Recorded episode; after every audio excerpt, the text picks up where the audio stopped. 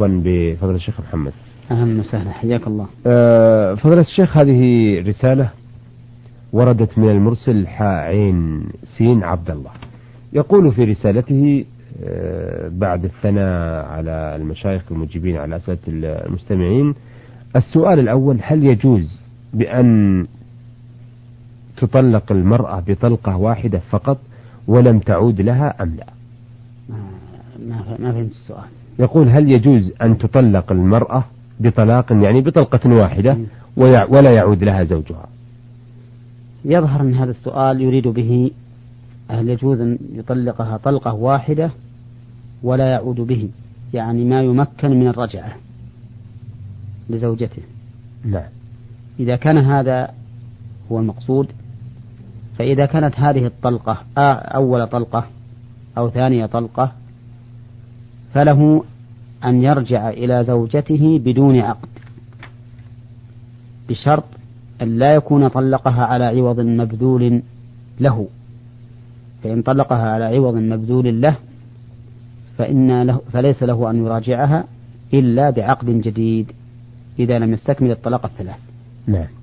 آه سؤاله الثاني يقول هل يجوز بأن يزوج الأب ابنته بدون رضاها؟ وما ضرر ذلك بالنسبة للأسرة؟ وما رأي الإسلام فيه؟ آه قبل أن أجيب عن هذا السؤال أقول السؤال الأول.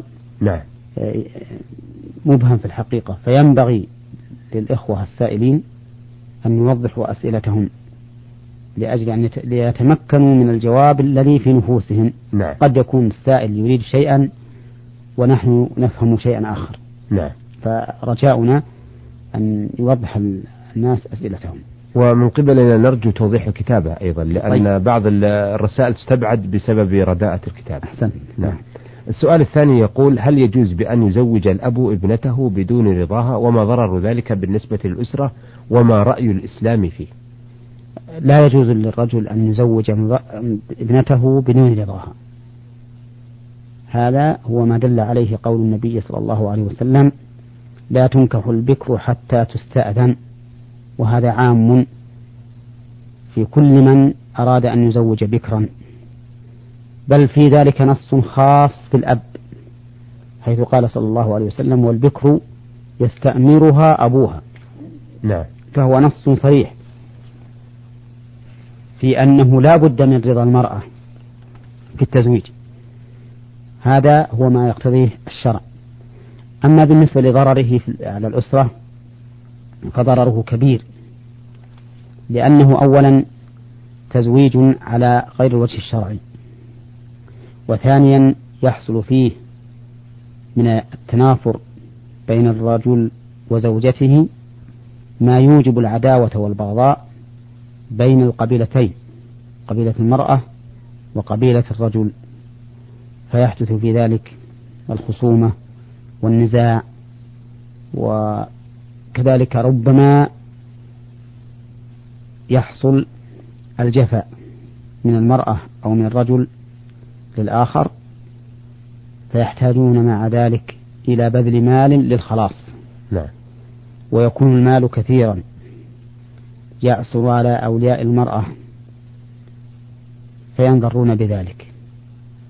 على كل حال ليس هذا موضع تقصي الأضرار التي تحصل بمخالفة الشرع في تزويج البنت ممن لا ترضاه نعم. نعم. أه ولكن تفضل. لو أن البنت رضيت رجلا ليس كفءا في دينه فلأوليائها أن يمنعوها منه. يعني لو قالت أنا أريد هذا الشاب أو هذا الرجل شابا كان أو كبيرا ولكنه في دينه ليس مرضيا فإنه يجب على أوليائها أن يمنعوها منه. وليس عليهم في ذلك إثم حتى لو ماتت وهي لم تتزوج وأصرت على أن لا تتزوج إلا بهذا الرجل الذي عينته فإنه ليس عليهم في ذلك إثم. لا سيما في من لا يصلي لأن من لا يصلي على القول الراجح الذي تدل عليه الأدلة القرآنية والنبوية كافر كفرا مخرجا عن الإسلام والكافر لا يحل له أن يتزوج المسلمة. وهذه مسألة أرجو أن تكون على بال كثير من الناس ممن يتهاونون بهذا الأمر. أعني بترك الصلاة. نعم. سواء من التاركين أو من الناس الذين يعلمون بهؤلاء التاركين. فإن أمرها عظيم وجرمها كبير. نعم. آه قلتم قد يطلب آه الزوج في الفدية آه مثلا مالا لا تطيقه هذه الأسرة. هل للزوج أن يطلب غير ما دفعه لهذه الأسرة أو صداقا لهذه المرأة؟ هذه المسألة فيها خلاف من العلماء وهو هل يجوز للزوج أن يطلب من زوجته أكثر مما أعطاها؟ منهم من يرى أنه يجوز. لعموم قوله تعالى فلا جناح عليهما فيما افتدت به. وما هذه؟ اسم موصول والأسماء الموصولة للعموم. نعم. فيشمل كل ما افتدت به. ومنهم من يقول لا يجوز بأكثر مما أعطاها لأن ذلك ظلم لا سيما وهو قد استحل فرجها واستمتع بها فكيف يأخذ عليها مالا؟ آه، أكثر مما أعطاها. وقد قال النبي عليه الصلاة والسلام لثابت بن قيس آه، اقبل الحديقة وطلقها تطليقة فدل هذا على أنه لا ينبغي للرجل أن يأخذ أكثر مما أعطاها. والمشهور من مذهب الحنابلة أنه يكره بأكثر مما أعطاها. نعم. ولكن هذا أيضا مقيد بما إذا كانت هي السبب. إذا كانت هي السبب في الفراق. نعم. أما إذا كان هو السبب بحيث أساء عشرتها ومنعها حقوقها لتملى وتفتي وتفتدي فهذا لا يجوز. نعم. نعم. آه يجوز بكل حال. نعم. لا بقليل ولا بكثير. نعم. نعم. آه سؤاله الثالث يقول ما حكم لعنة الرجل لأب الرجل الآخر أو لأمه؟ وضحوا لنا ذلك حيث أن هذا أن هذه منتشرة بين الناس. وفقكم الله. هذا حرام. وقد قال النبي عليه الصلاة والسلام لعن الله من لعن والديه. قالوا يا رسول الله كيف يلعن الرجل والديه؟ قال يسب أبا الرجل فيسب أباه ويسب أمه فيسب أمه. فلا يجوز للرجل أن يلعن والدي شخص سيما وأن هذا جناية على غير على غير معتد. فما ذنب الوالدين حتى تنصب عليهما اللعنة من هذا الرجل؟ نعم. آه سؤاله الرابع آه يقول ما مصير المسلم الذي يصوم ويصلي ويزكي ولكنه يعتقد بالأولياء الذين يسمونهم في بعض الدول الإسلامية اعتقادا جيدا أنهم يضرون وينفعون وكما أنه يقوم بدعاء هذا الولي فيقول يا فلان لك كذا وكذا إذا شفي ابني أو بنتي أو بالله يا فلان مثل هذه الأقوال فما حكم ذلك وما مصير المسلم فيه؟ تسمية هذا الرجل الذي ينظر للقبور والأولياء ويدعوهم تسميته مسلما جهل من المسمي. ففي الحقيقة أن هذا ليس بمسلم لأنه مشرك. قال الله تعالى وقال ربكم ادعوني أستجب لكم إن الذين يستكبرون عن عبادتي سيدخلون جهنم داخرين. فالدعاء لا يجوز إلا لله وحده فهو الذي يكشف الضر وهو الذي يجلب النفع. أمن يجيب المضطر إذا دعاه ويكشف السوء ويجعلكم خلفاء الأرض؟ أإله مع الله. قليلا ما تذكرون.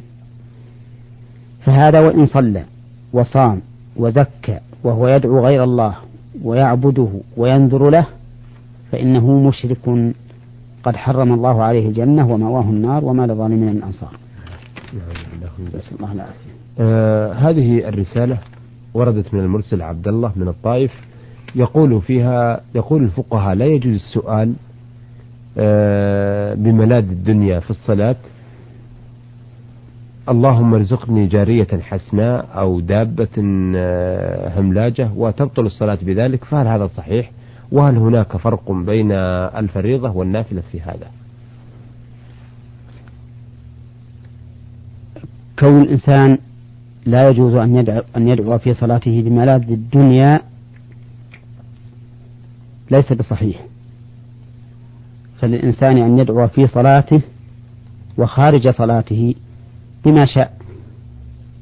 وفي الحديث ليسأل أحدكم ربه حتى شراك نعله نعم. وفي حديث ابن مسعود الثابت في الصحيحين لما ذكر التشهد قال ثم ليتخير من المسألة ما شاء. وقوله ما شاء لفظ عام لأن ما اسم موصول والاسم الموصول يفيد العموم. فيتضمن أو فيقتضي جواز الدعاء بما شاء من أمور الدين وأمور الدنيا والآخرة. نعم. فيجوز للإنسان أن يسأل في صلاته الفريضة والنافلة ما يتعلق بأمور الدنيا. مثل أن يقول اللهم ارزقني زوجة حسناء أو سيارة طيبة أو ما أشبه ذلك لأن عموم الأحاديث تدل على هذا. وقد قال النبي عليه الصلاة والسلام أما السجود فأكثر فيه من الدعاء ولم يخص دعاء دون دعاء. فالصواب في هذه المسألة جواز دعاء الإنسان بما شاء من خير الدنيا والآخرة في صلاته. نعم. آه يقول أيضا ما حكم عقد التسبيح باليسرى مع اليمنى؟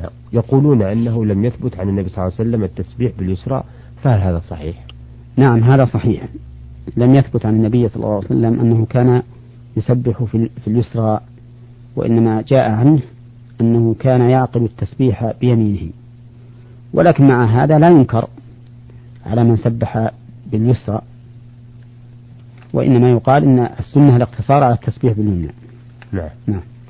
أيضا يقول التوراة والإنجيل والكتب المتقدمة فهل هي منسوخة بالقرآن وما هو الدليل من القرآن؟ آه إن وجد والسنة المطهرة وما حكم قراءتها بالنسبة للعالم للاطلاع. الكتب السابقة منسوخة بالقرآن الكريم لقول الله تعالى وأنزلنا عليك الكتاب بالحق مصدقا لما بين يديه من الكتاب ومهيمنا عليه. فكلمة ومهيمنا عليه تقتضي أن القرآن الكريم حاكم على جميع الكتب السابقة وأن السلطة له. فهو ناسخ لجميع ما سبقه من الكتب. وأما قراءة الكتب السابقة نعم. فإن كان للاهتداء بها والاسترشاد فهو حرام ولا يجوز لأن ذلك طاعن في في القرآن والسنة حيث يعتقد هذا المسترشد أنها أي الكتب السابقة أكمل مما في القرآن والسنة. وإن كان للاطلاع عليها ليعرف ما فيها من حق فيرد به على من خالفوا الإسلام. فهذا لا بأس به وقد يكون واجبا. نعم. لأن معرفة الداء آه، هي التي يمكن بها تشخيص المرض ومحاولة شفائه. أما من ليس عالما ولا يريد أن يطلع ليرد فهذا لا لا لا يطالعها. آه. فأقسام الناس إذا ثلاثة. نعم. من طالعها للاسترشاد بها فهذا حرام ولا يجوز. نعم. لأنه طعن في كتاب الله وسنة رسول الله صلى الله عليه وسلم. اللهم ومن طالعها ليعرف ما فيها من حق فيرد به على من تمسكوا بها وتركوا الإسلام. فهذا جائز بل قد يكون واجبا. ومن طالعها لمجرد المطالعة فقط لا ليهتدي بها ولا ليرد بها فهذا جائز ولكن الأولى التباعد عن ذلك لئلا يخادعه الشيطان بها. نعم, نعم. آه رسالة أيضا هذه من الطائف من سين عين آه يسأل عن قصر الصلاة والوضوء يقول أنا أريد أن أسافر إلى لندن.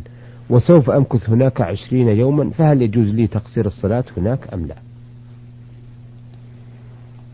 الجواب نعم يجوز لك أن تقصر الصلاة ما دمت قد حددت الإقامة.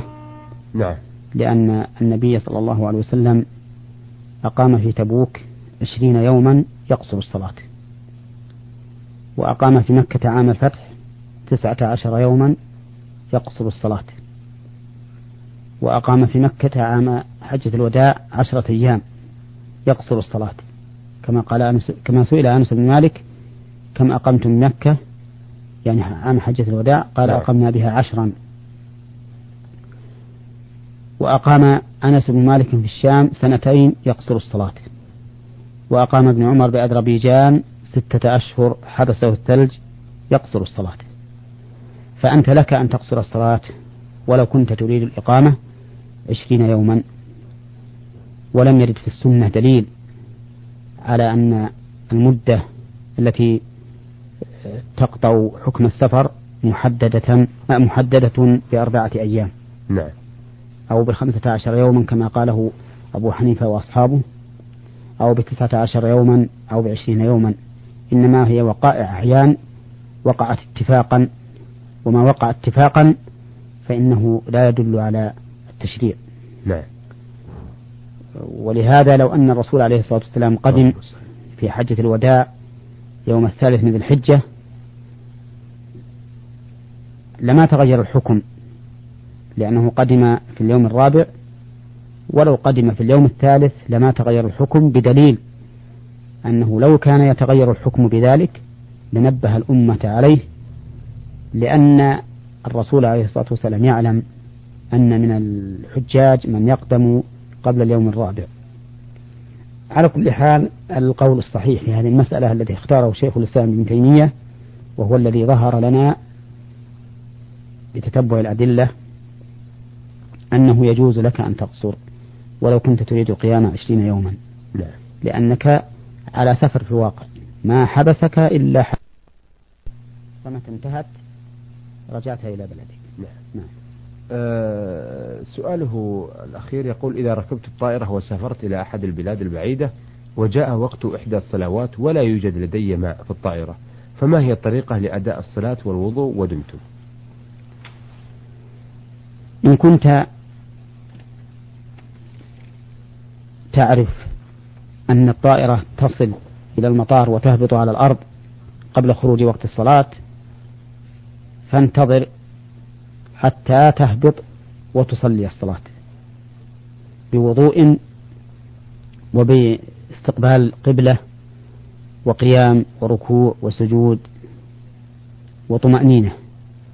وإن كنت تعرف أنها لا تصل إلى المطار إلا بعد خروج الوقت فصل على حسب حالك. نعم. صل بوضوء إن أمكن وبتيمم إن أمكن. فإن لم يمكن لا هذا ولا هذا فصل بدون وضوء ولا تيمم. واستقبل القبلة. وقم. واركع. واسجد. إذا إذا أمكن ذلك. فإن لم يمكن فقد قال الله تعالى فاتقوا الله ما استطعتم. وقال لا يكلف الله نفسا إلا وسعها. وقال تعالى أولئك يسارعون في الخيرات وهم لها سابقون ولا نكلف نفسا إلا وسعها. نعم. أحسنتم وثابكم الله. أيها السادة إلى هنا نأتي على نهاية